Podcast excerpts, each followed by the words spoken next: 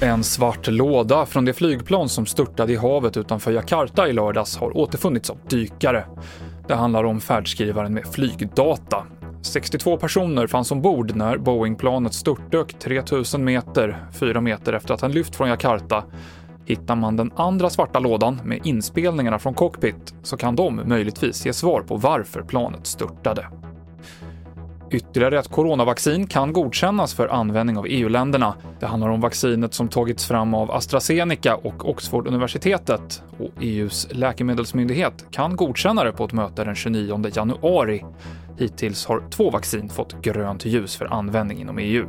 Och mer om det svenska coronaläget blir det nu klockan två när myndigheterna håller presskonferens. Det sänds direkt på tv4.se.